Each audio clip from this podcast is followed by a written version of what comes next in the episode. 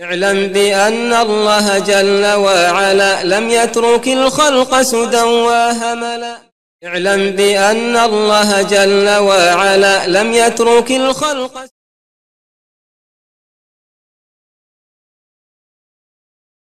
بسم الله الحمد لله الصلاة والسلام على رسول الله استعين بالله لا حول ولا قوة إلا بالله اللهم لا سهل إلا ما جعلته سهلا وأنت تجعل الحزن إذا شئت سهلا اللهم أرنا الحق حقا وارزقنا اتباعه وأرنا الباطل باطلا وارزقنا اجتنابه ولا تجعل الحق ملتبسا علينا فنضل.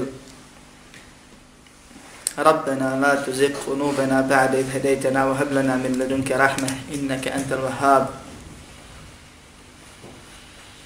اللهم اجعلنا هداة المهتدين غير الضالين ولا مضلين يا أرحم الراحمين. اللهم لا سهل إلا ما جعلته سهلا. وأنت تجعل الحزن إذا شئت سهلا اللهم إنا نعوذ بك من أن نشرك بك نحن نعلم ونستغفرك لما لا نعلم ربنا يسر ولا تعسر اللهم بارك وتمن بالخير أما بعد Hvala Allahu gospodaru svih svjetova. Salavat i salam na poslanika njegova Muhammeda sallallahu alaihi ve selleme i sve one koji se trude da budu na putu Kur'ana i sunneta do sudnjega dana. Zatim došli smo do sedmog poglavlja kojeg je šeh nazvao poglavlje o tome šta je došlo o ruki i hamajlijama.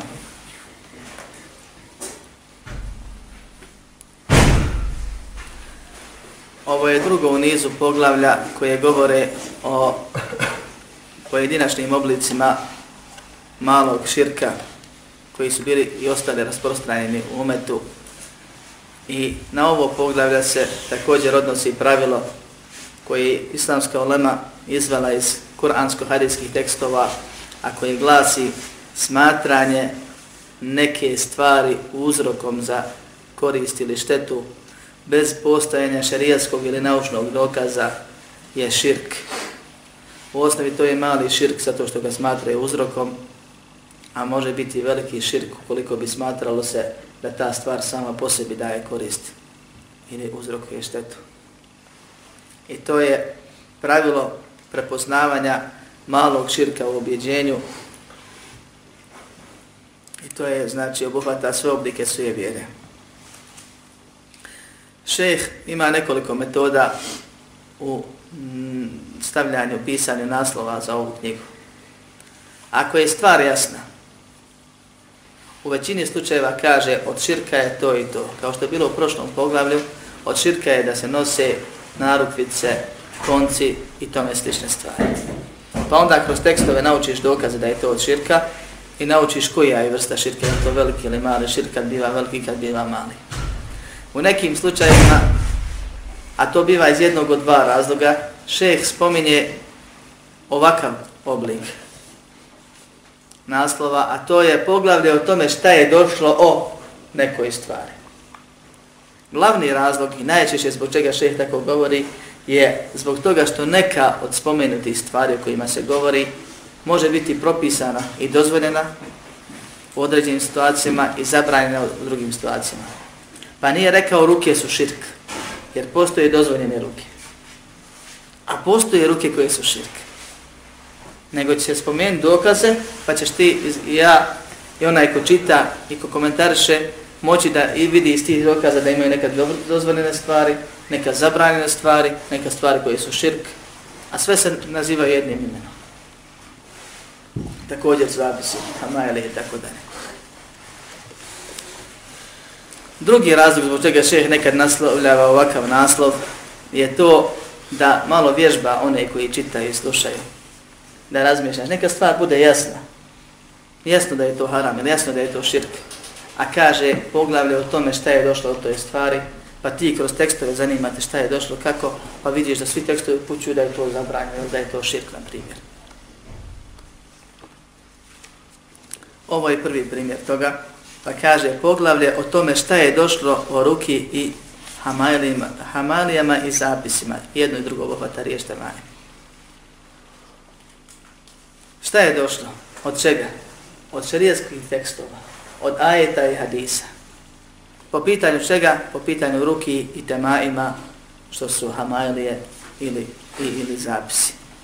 Pa kaže u sahihu od Ebi Bešira Lansarija se prenosi da je Allah poslanik sallallahu anehi ve sallam, da je on bio sa poslanikom sallallahu anehi ve sallam na nekim od putovanja.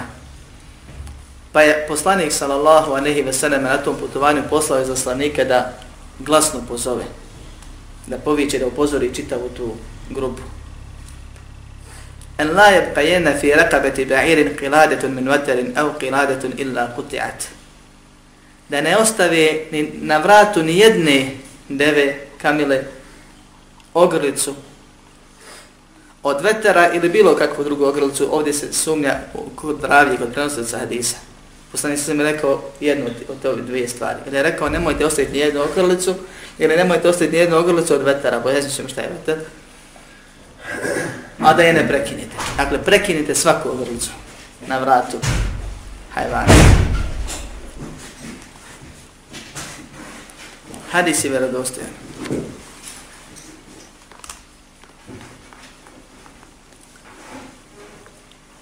Šta je veter? Razilaze se islamski učenjaci oko toga šta se cira ovdje pod veterom i ispravno je da je to ona špaga, žica, prijuza, konopac, kojim se veže luk, koji, kojim se kasnije izbacuju strijela. Dakle, dio njihovog oružja, koji je bio sastavni dio gotovo svakog čovjeka, pored sabre imali su često, bili su znači oni koji bacaju i koristilo se jedno od efikasnijih oružja u njihovim ratovanjima. Luk i strijela. A ona, je, ona špaga kojima se veže i savije luk, to je bio veter. Pa su, kad im to pukne, kad više ne mogu koristiti za to, s obzirom na situaciju koju su živjeli, gledali da iskoriste ono što je ostalo. Pa bi tu špagu poslije vezali na vratove životinja. U početku onako, zato što treba da svežu tim uzde ili da stave zvono.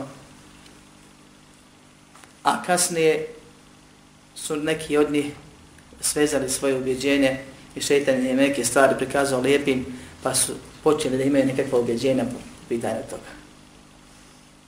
I poslanik sallallahu alejhi ve sellem iz tog razloga. A ne znači da je svaki ashab vezao zbog toga.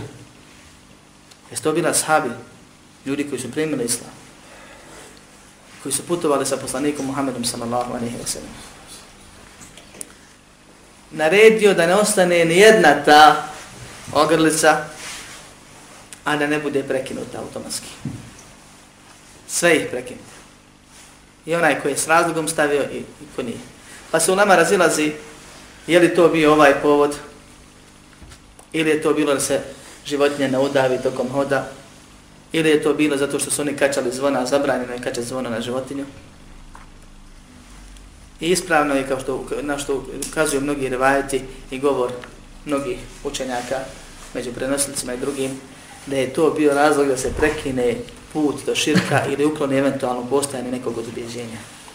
Jer su oni neki od mušrika, kasnije neki sto naslijedili u islamu iz neznanja, vjerovali, pošto je to sredstvo odbrane i stvar kojom se boriš protiv neprijatelja, dio oružja, luk, strijela.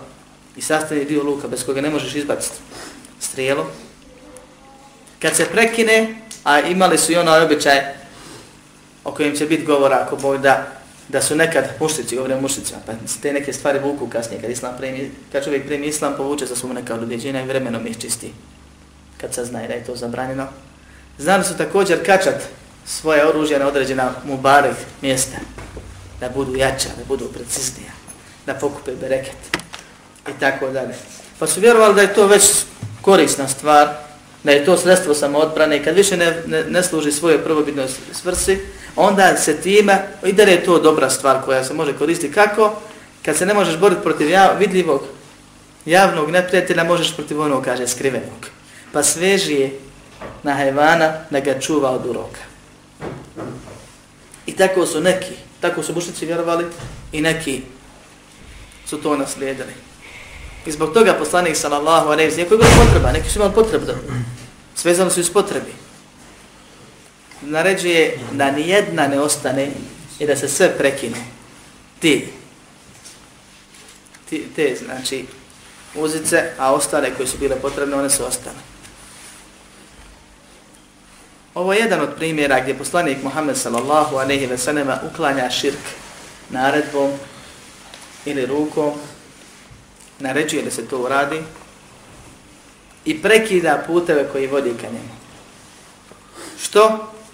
Zato što je pravilo jasno kojim sam, kojeg sam spomenuo i u prošlom govoru je bilo nešto, u prošlom desu je bilo nešto od govora, spominjanici su neki od dokaza za tu stvar, a to je da je smatranje da nešto ti koristi i šteti bez postojanja dokaza širka. Pa su oni smatrali da ta, taj konop, konopac, ta špaga, šta već koristi njima tako što otklanja urok, a za to nema šerijetskog dokaza i poslanik sallallahu alejhi ve sellem reče da se to prekine, da se to ukloni, da se to nikako ne koristi. Pa i oni koji ne bi iz prvog razloga koristili, i oni su to uklonili da se zatvore svi putevi koji vode ka širku. Od Ibn Mas'uda radijallahu anhu se prenosi da je poslanik sallallahu alejhi ve sellem rekao inna ruqa wa tama'im wa tiwalat shirk. Zaista su ruke i hamajlije i tivele, a to su zapisi, sihr zapisi. Širk. Oko ovog hadisa nama se razilazi da li je vjerodostojano ovako kako je preneseno, da li su to riječi poslanika sallallahu alaihi wa sallam, ili su to riječi jednog ili više ashaba, u oba slučaja rezultat je isti jer se govori o akidi, ashabi o akidi nisu govorili o svom, po svom mišljenju, nego ono što su već prije toga naučili od poslanika Muhammeda sallallahu alaihi wa sallam, pa se uzima njegovo značenje kao vjerodostojno. Zaista su ruke i hamali, odnosno zapisi, i zapisi kojima se pravi da se dvoje voli, vole širk. Ovako bi se mogao razumijeti hadis. A zašto ovako dijelim? Zato što u našem jeziku, kod našeg naroda, postoji zapis koji se piše u cilju zaštite da se ne desi bele. I također to zovu hamalijom. Ili neki pravi drugu vrstu zapisa koju zove hamalija. Ista je stvar. Pa hamalija može biti šuplja kroz koju se pro, prođe insan, može biti kroz koju se prosipa voda, koja se stavlja u vodu pa se kupaju i tako dalje i tako dalje. Oni su to malo razvili kao nauku. Oni koji se time bavi na tome zarađuju. Također zapis je ista stvar samo drugog oblika, može biti četvrtasti, trokutasti i tako dalje, na kojim su napisane ajeti ili dove ili zikrovi. I to se sve zove zapis. I koriste ga u cilju sprečavanja bolesti. A kad se bolest desi, problem onda opet idu hođu da im šta zapiše. Sad ne prave hamali, se traže zapis. Onda hođa isti taj zapis piše, možda promijeni dobu. Govorimo o hođama koji nisu sihirbazi o ljudima koji pišu hamajlije zapise na kojima se nalaze ajeti, hadisi i dove. Da, i to je moguće, i to je prisutno, i to nije sihr. Jer Kur'an nije sihr, braće. Hadisi nisu sihr. Nova nije sihr. I zbog toga, i to zovu zapis. Pa bi bilo logičnije da se ona prva stvar zove hamalija, bez obzira koja je oblik i koja je doma napisana, jer je hamalija ono što, se, što te čuva. Allahovom dozvolom, kako oni kažu. A zapis je ono čime se liječiš. I to je vid ruke s druge strane. A tivele je nešto sasvim drugo. To je kad se dvoje ili pak jedno drugo jednostrano voli, pa onda odu nekakvom džinhođi da im on napravi pa da su oni oboje vole pa da žive sretno do kraja života. Kaže, nisam ja sihirbaz, ja ne rastavljam, ja ne, ne pravim bolesti, ja samo spajam i sastavljam preko nečije vode. E to je tivele. Ova treća stvar koja je spomenuta. Jer ovo se može prevesti kao zaista su ruke zapisi hamalije širk, zaista su ruke hamalije zapisi sihr širk, zaista su ruke Hamalije zapisi jedne vrste i zapisi druge vrste koji su sihr širk. I to je najispravnije da se tako pojasni zbog našeg jezika i običaja koji se kod nas razumije, nama je cilj da razumijemo, nije samo cilj napraviti najlakši prevod, najkraći i napisati i idemo dalje, nego da se zna šta je koja vrsta i šta je u kojem situaciji biva širk, a kad ne i tako dalje.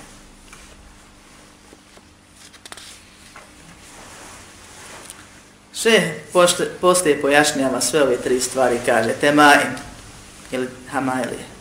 شيء يعلق على الأولاد يتقون به العين لكن إذا كان المعلق من القرآن فرخص فيه بعض السلف وبعضهم لم يرخص فيه ويجعله من المنهي عنه منه بن مسعود رضي الله عنه كاجي تمائمي su stvari ili hamajle su stvari koje se kačaju najčešće na djecu u cilju zaštite od uroka.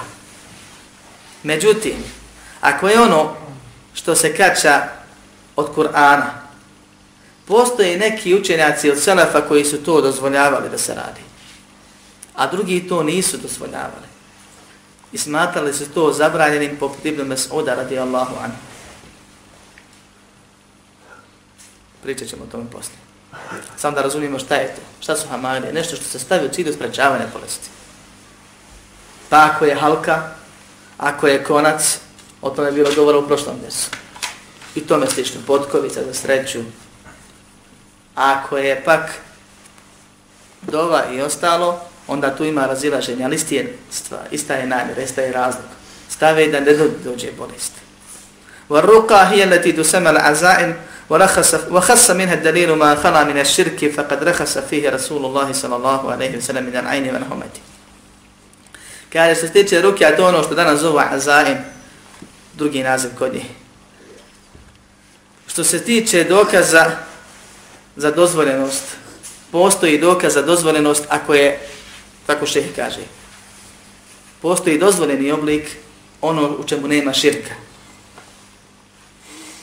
I poslanik sallallahu alejhi ve sellem je dozvolio da se to radi protiv uroka i uboda akreba zmije i tome slične stvari. Kao što je došlo u hadisu o kojem su govorili prvim predavanjima. Ovdje šeheh naglaša. Rukija je ono što se uči u cilju sprečavanja, podizanja bolesti, otklanjanja bolesti, izlječenja. Pa ako je u njoj nema širka, imamo dokaz da je taj dozvoljena. A druga nije dozvoljena. Jer je to poslanik sallallahu alaihi wa sallam dozvolio protiv uroka i otrova. A ti هي شيء يصنعونه يزعمون أنه يحبب المرأة إلى زوجها والرجل إلى امرأته A se stiče ovih tibela zapisano ono i druge vrste od džinhođa, kaže to je stvar koju, za koju oni smatraju da ona daje da čovjek zavoli svoju ženu i žena zavoli svoga muža. Čitao sam fetve od Ibn Fejmina u jednoj zbirci, šta je već bilo, pa ga pita čovjek, neki čovjek beduine. Prije 20 godina, nije to nekad davno bilo. Kaže, pogledajte pitanje. Je li dozvoljeno ovi zapisi u islamu, ovi vrsti? Ti vele? I ako nije dozvoljeno, kako da me žena voli? Kaže, šef mu odgovara, zapisi te vrste su zabranjeni i to je širk, spomenimo hadis, A što se tiče drugog dijela pitanja, kaže Allah subhanahu wa ta'ala wa aširuhunne bil ma'ruf, prema njima se lijepo obhodite. Čovjek se pita kako da ga žena voli ako ne preko zapisa.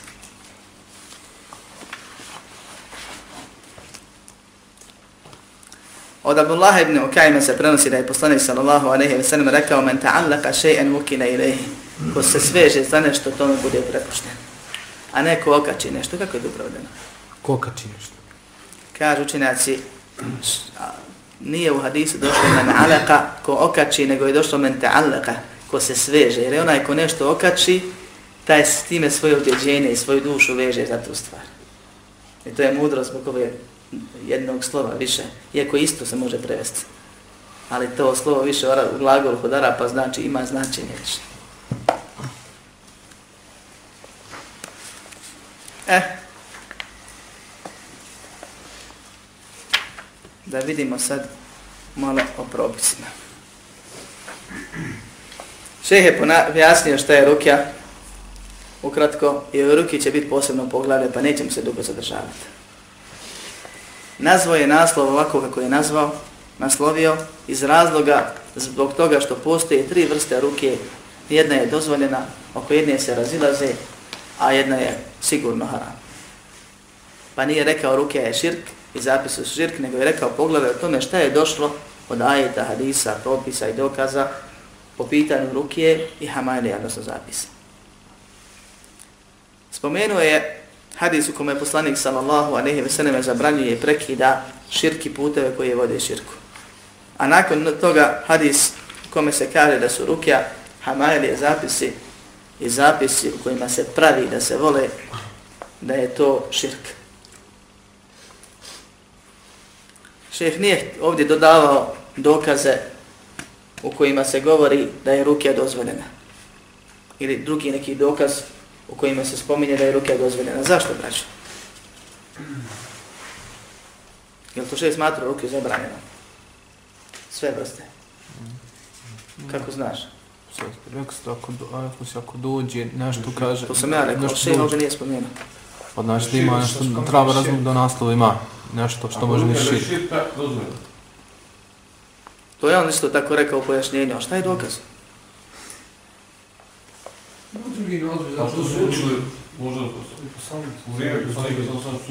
Braće, ovo je sedmo poglavlje.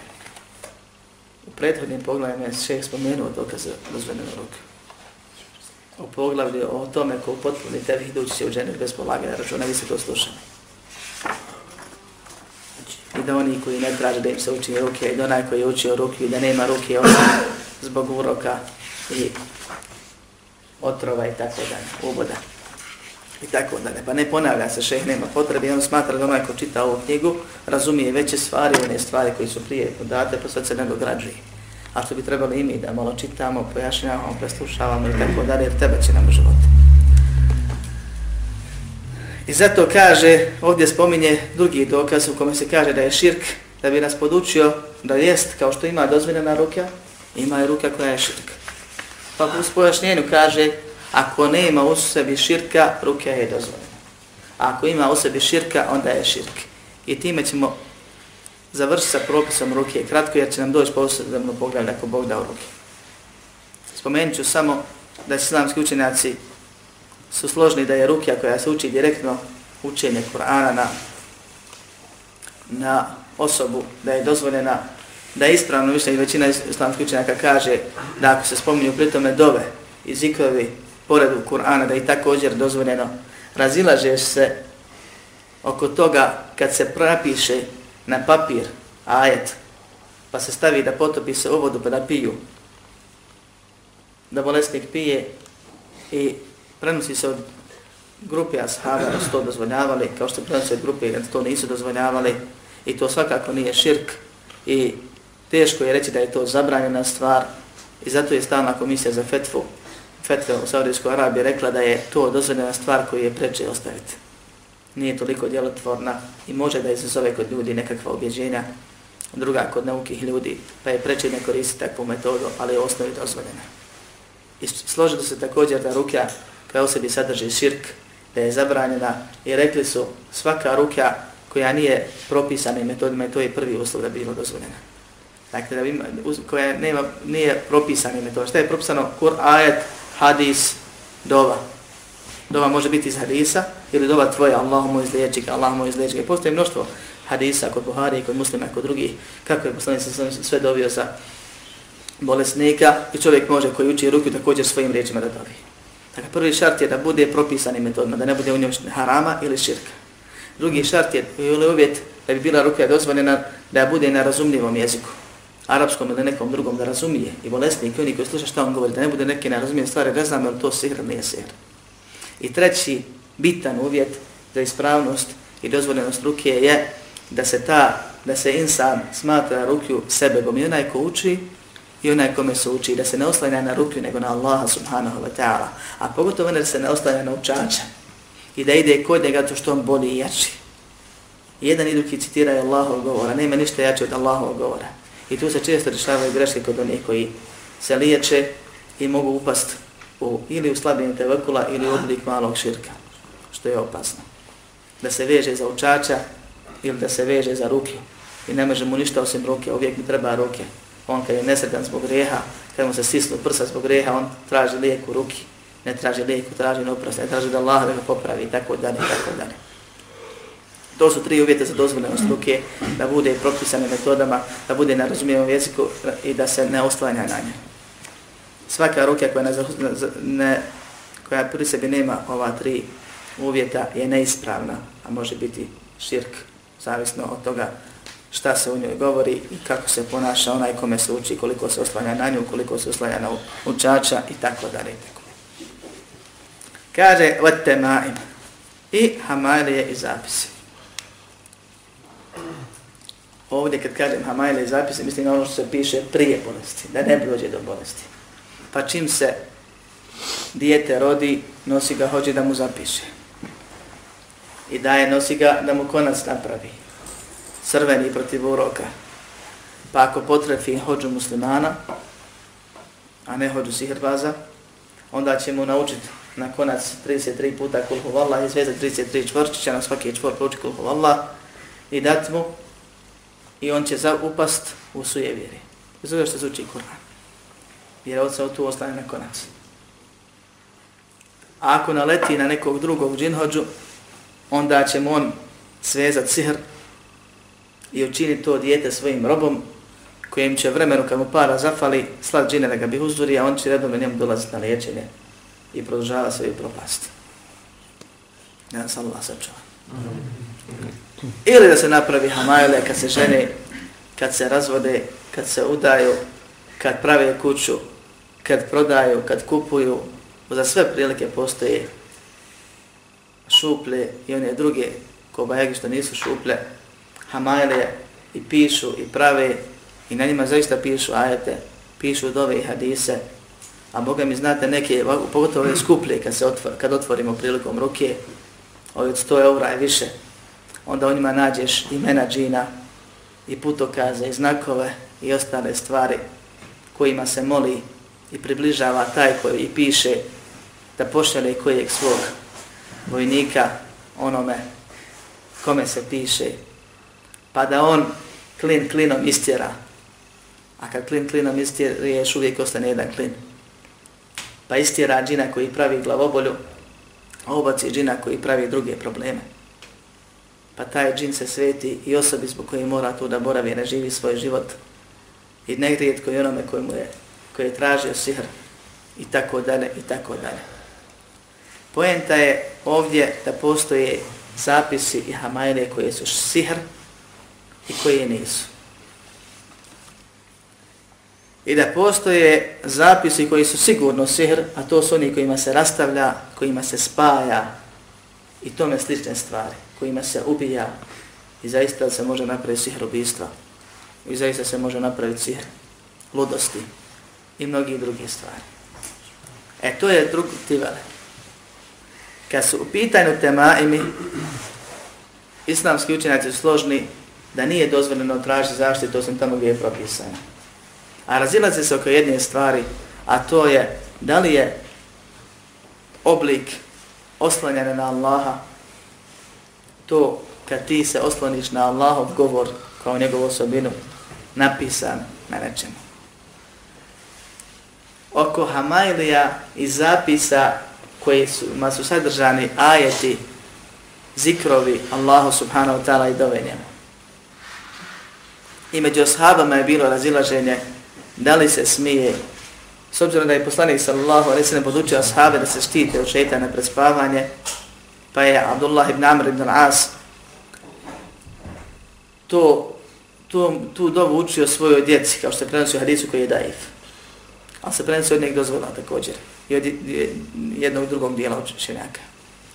Učio je tom dovu, podučavao je tom dovom djecu koja mogu da shvate a onima koji nisu u stanju da svate, pisao bi to na papir isto trudovu pa bi im kačao. S druge strane, Abdullah ibn Mas'ud. Prenosi se također od Ibn Abbasa, od Hudayfe ibn Jemana i drugih ashaba smatrali su da je to zabranjeno i da je to isto svejedno da li pisao ajete i hadise, ili nešto drugo uzeo poput halke konca, potkovice, da je to ista stvar, jer ne imamo dokaza za tu stvar. Postoji grupa ashaba između poput Aisha radijallahu anha, koja je smatrala da se to ne smije praviti u cilju zaštite, dakle s razlogom Hamajlije, ali se smije praviti u cilju zapisa, kad se već bolest desi, da može se učit, može se pit i može se također kačit, potovo na one koji ne znaju sebi učit kao što su malo, malo dobne djeca. Pojenta je ovdje da znamo da postoji razilađe među ashabima, a također među učinacima mezheba. Ono što je ispravno, Allah najbolje zna, je to da je sve to zabranjeno. Kao što je kačat neke stvari koje nisu Allahove osobine, Allahove riječi, širk, mali osnovi, i oko toga je bilo govora detaljno prošli predavanje, tako je u ovom slučaju kačanje ovih stvari zabranjeno, a nije širk. Što? Zato što se ostane na Allaha to direktno. Jer su ajete Allahov govor. I Allahova osobina. Što je zabranjeno? Zato što poslanik sa svem u ovom i sličnim hadisma kaže rukje, svi temaj, svi zapisi Hamalije i svi tivale su širke. I nema ni jednog ajeta i hadisa u kojima se može razumjeti da je izuzeo osim ako se na njima ajet ili hadis. Zato što se često prelazi granica kod, pita, kod, kod onih koji su nauki, pa se one vežu svoje objeđenje za tu stvar. Pa ne smije da skine. Ne smije da skine kad se kupa, nego i zamotavaju nekakvim stvarima da, budu da ne budu vodopropusne, kako bi stalo uz njega bilo. Boji se ako ostaje odmah će ga dolaj znači. Iako su unutra ajeti hadisi. I samim tim kad se stavlja djeci, a i odraslima koji imaju takva objećenja, biva razlog ponižavanja ajeta i hadisa, tako što se s njima ulazi u toalet, koristi se u raznim situacijama, ne odvaja se od njega jednostavno u bilo kojoj situaciji. I svih tih razloga nije dozvoljeno i to je ispravnije mišljenje. Ali znajte da razilaženje postoji. I da nije isto kad ode da naruči sihr pa time izađe iz vjere, ili kad mu se pod zapisom poturi sihr pa je onaj sihrbas nevjernik koji mu je to poturio, ovaj jednik ne zna, misli da tamo pišu ajeti i hadisi, jer mu je nešto našvrljano, pa on nije izašao iz vjere, ali je tražio zapis.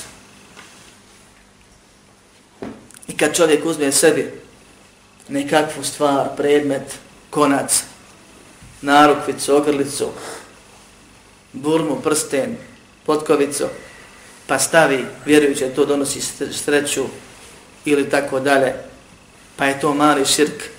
I kad uzme dovu koju ne zna da prouči ili ne može da zapamti, pa traži da mu se to napiše, da stavi vjerujući da Allah čuva, to je haram dijelo koje vodi ka širku i preče ga je ostaviti. Treba ga ostaviti, ne samo preče. I može kod mnogih izazove širk, ali nije u svakom slučaju širk ako insan svjestan šta radi, da on time se oslanja na, na Allaha i da vjeruje da Allah to čuva preko tih njegovih osobina, ajeta, njegovog govora i tako dalje. Iako je to u rijekim situacijama, većina ljudi, nažalost, preko toga zapadne u mali širk. I to je stvarnost kojom smo svjedočili, gdje ljudi se boje, ako se desi da izgubi zapis, odmah trči da mu se zapiše i to brzim hodom ide, da ga ne bi što među vremenu snašlo on svoje objeđenje sveže za tu stvar. Potpunosti, preda se, postane rob toga. Pa pronalazi metode kako da ga zaštiti, da, da bude, znači da ne možemo ništa, ni vatra, ni voda, i tako dalje. Pa kad ga otvaraš prilikom ruke, napadiš se da ga otvoriš, a kad ga otvoriš, nađeš da se neko ismijavao s tim tako što nekakve linije šare bez veze pisao, i to je laže nego onaj komu je sihr napisao, i to je teže, a nekad nađeš stvarno ima i pošteni koji napiše do napiše ajete i tako dalje. U svakom slučaju sve to je, sve je to zabranjeno. A kad su pitanju sihr sastave, sihr rastave, da je dobar, ne bi se sihrom zvao. I to je jasna stvar i to je svakako širk, jer se ne može napraviti bez širka i mora se vjerovati u širk ukoliko hoće da djeluju. U sljedećem hadisu kaže Men ta'allaka še'en vukina ilayhi ko se sveže za nešto biva tome prepušten i to je Allahov zakon na zemlji. Ko se na Allaha osloni, on mu je dovoljan. Ko hoće pored Allaha da drugog Boga traži da ga moli, Allah ga prepusti njemu, nek mu pomaže. Ko hoće da vjeruje u Allaha, ali da traži uzroke tamo gdje Allah nije propisao, ponovno ga Allah prepušta tim uzrocima. Pa ako hoćeš sreću u potkovici, neće nikad naći. Nek ti da ako može. Allah te prepusti u potkovici. Ako hoćeš lijeka, iz također u nekakvim stvarima koje nisu. Ako hoćeš da vjeruješ da svaki puta kad ti mačka pređe preko puta, da će ti nesreće sada se, da će ti Allah često nesreće zbog toga. Od Allaha nije od mačke. Ali ćeš biti nagrađen ili kažnjen onako kako postupaš. I zato ljudi kažu, jeste, petak 13. Stvarno je nesredan. Pa svaki puta me nešto zadesi zato što vjeruješ u to. Pa te Allah pogađa time iskušava. I najgori oblik kazne, braćo, je el istidrač. A to je jedan od oblika Allahove spletke, kad Allah čovjeka poziva, on neće. Pa ga onda daje mu ono što njemu godi, da ostane onome što vjeruje, da bi ga žestoko na ahiretu kaznio. I to se često dešava vjernicima ili okorijenim nevjernicima. Gdje čovjek čini grije, čini grije, čini grije, kažu ženci, kad vidiš čovjeka, da ga Allah obasi pa blagodatima, a on ustajeno grešenju, znaje da je to listi drač. Da ga postepeno priblažava svojom žestokom kaznom. Da nas Allah sačuva. Bitno je znati uglavnom i kao što je u prošlom hadisu, u prošlom dersu bio spomenut hadis, da si umro na tome, nikad se spasio ne bi, jer to ti samo bolest ili slabost povećava. I ovdje kaže, ko se za nešto svoje, sveže, to je okači na sebe svoje objeđenje, zato sveže, Allah ga tome prepusti, da Allah iz ljutnje i srđbe prema širku koji se čini nezahvalnosti roba, koji mu se nije zadovoljio onim što mu je Allah propisao, nego hoće da traži lijeka tamo gdje Allah zabranio, da ga Allah kažnjava, iskušava još više i daje mu belaje kad traži tamo gdje nije propisano. Zatim še spominje hadis Ruvejfija koji je slab, ali za čije dijelove su učenjaci našli vjerodostojne dokaze, osim za jedan detalj, pa kaže poslanik sallallahu alaihi wa sallam ovako kako stoji Ja Ruvejfija, o Ruvejfija, la'ala l'hajate te tulu bik, možda ćeš dugo živjeti. I desilo se da je ono od saba koji su dugo živjeli. Fa الناس أن من men aqada أو تقلد وترا أو استنجى برجيع bi أو عظم فإن azmin fa inna صلى bari'un minhu. Sallallahu Kaže, o Ruvejfija, možda ćeš dugo živjeti, pa obavijesti ljudima, ljude da onaj ko sveže ili veže svoju bradu i koji pravi ogrlice od vetera, od one stvari, od luka, ili koristi prilikom čišćenja od velike nužde balegu životinja ili kosti, da je Muhammed sallallahu aleyhi ve sallame, da ga se Muhammed sallallahu aleyhi ve sallam odrekao ili odreće, što ukazuje da su ove stvari veliki grije. Dokaz za šeh je spomenuo o, predaju zbog riječi evo te kalli devateren ili stavlja ogrlice životinjama od one špage koja se koristila prilikom pravljenja luka i zato je dokaz dovoljan onaj koji je spomenuti prvi dokaz. Također imaju dokazi vjerodostojni da je zabranjeno muslimanima da koriste balegu suhu i kosti prilikom čišćenja od velike nužde a učenjaci kad tumače ovaj prvi dio, a to je da onaj ko veže pravi čvorove od svoje brade, kažu prvo da je ovaj dodatak slab. Ali reda je, je da ga protumačimo, zato što isto tako imaju opšti dokaze koji ukazuju da ovo nije dozvoljena stvar u namazu pogotovo, a i van namaza, zato što su mušlici iz oholosti kad urat krenu a i u miru često znali da dijelove brade uzmu pa vežu učvor ili da prave pletenice od toga. Kako bi izgledali ovako ili onako? Ili kad bi koji oženio jednu ženu napravio bi jednu pletenicu pa drugu ženu drugu pletenicu i tako pošto njima bilo neograničeno dozvoljeno pagansko doba nisu bile ograničene četiri time se ponosili koliko ima žena i tako dalje prko se da ostalima. Ili iz nekog drugog razloga su vezali bradu, pravili pletence, pravili čvore na svoje bradi. Bilo je jedan veliki čvor ili više nekakvih čvorića. I to je u najmanju ruku ponašanje nevjednika. Također spominje se da je to osobina u nekim narodima bila osobina homoseksualaca i iz više razloga ta stvar nije dozvoljena. Nama je naređeno onako kako je naređeno da puštamo bradu, da kratimo vrkove i da to održavamo čistim i urednim. I ništa više od toga, a zabranjeno nam je da se da oponašamo žene, da oponašamo nevjernike, da oponašamo grešnike onome što je specifično za njihov grije i tako dalje. Od Saida ibn Džubere se prenosi da je rekao Men kata'a temimeten min insani kjane ke adli rakabe Ko prekine hamajliju, zapis otkine sa insana kao da je roba oslobodio. Otkud njemu ovolika nagrada? Ovaj jer se idim džube, učenjak.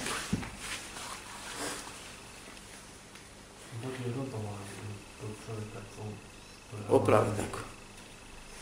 Sto posto istina, kažu učenjaci. Kad je toliki seva osloboditi roba, a šta je rob? Rob može biti poslima. Da živi i umre, ko robi u džennet ide i u džennetu bude slobodan. Da dobro stepene u džennetu zasluži. A kad je sevap oslobodge iz robovanja ljudima, još veći sevap je da roba Allahovog oslobodiš iz robovanja suje vjeru nekakvim koncima, potkovicama, halkama, narukvicama ili ne znam čime više, zapisima. I zato ko uspije da otkine tu stvar, nek prevarom, braćo moja, ne silom.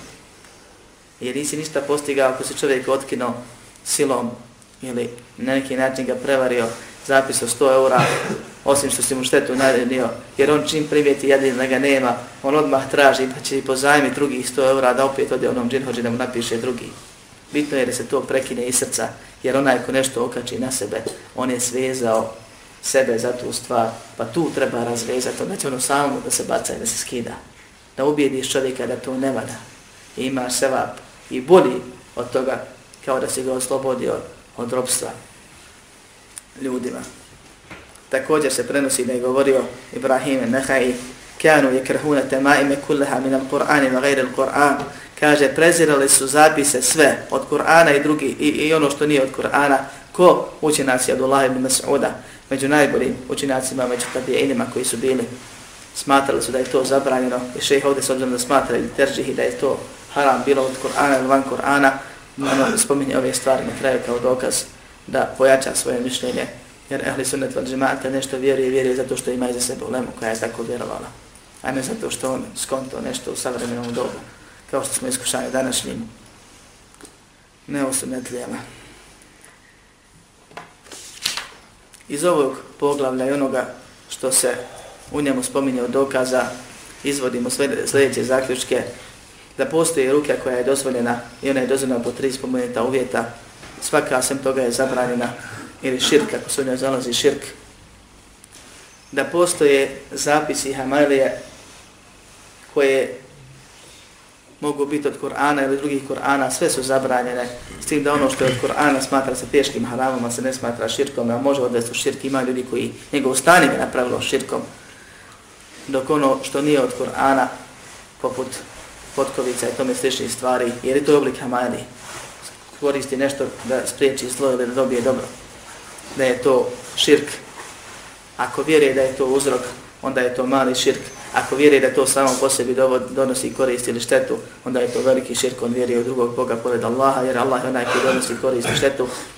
Također da sve oblici saradnje sa džinima u kojima ti neko nešta ili neko nekome nešta pravi bilo se radi o takozvanoj biloj magiji gdje oni samo liječe i spajaju, a ne daju bole smrti, ne raz, eh, razdvajaju kao što oni tvrde, ili crnoj koja je crnja od, od ove prve crne, da je sve to širk, da je sve to sihr, da je sve to teški haram, jedan od velikih i najtežih greha, jedno od dijela koja izvode iz vjere, iako Bog da bit će posebno poglavio sihru također.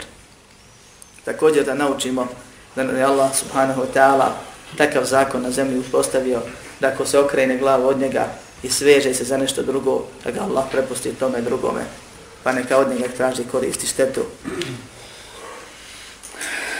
I da je ispravnije mišljenje da je sve zabranjeno. Svaki oblik zapisa Hemale da je zabranjeno. Molim Allah subhanahu wa ta'ala da nas uputi na pravi put, učvrsti na njemu i pomogne da ustrajemo, da nas sačuva svakog zla iz likovaca, da nas pomogne da učimo ono što nam koristi, zatim da nas koristi od onoga što naučimo i saznamo, da nas pomogne na primjeni i širenju ove vjere, da nas uvede u džennet, a sačuva od džehennem i džehennemske kazne, da pomogne islamu stvar na svakom mjestu, da oprosti muslimanu i muslimankama, vjernicima i vjernicama. Amin. Walhamdulillahi rabbil. اعلم بأن الله جل وعلا لم يترك الخلق سدى وهملا اعلم بأن الله جل وعلا لم يترك الخلق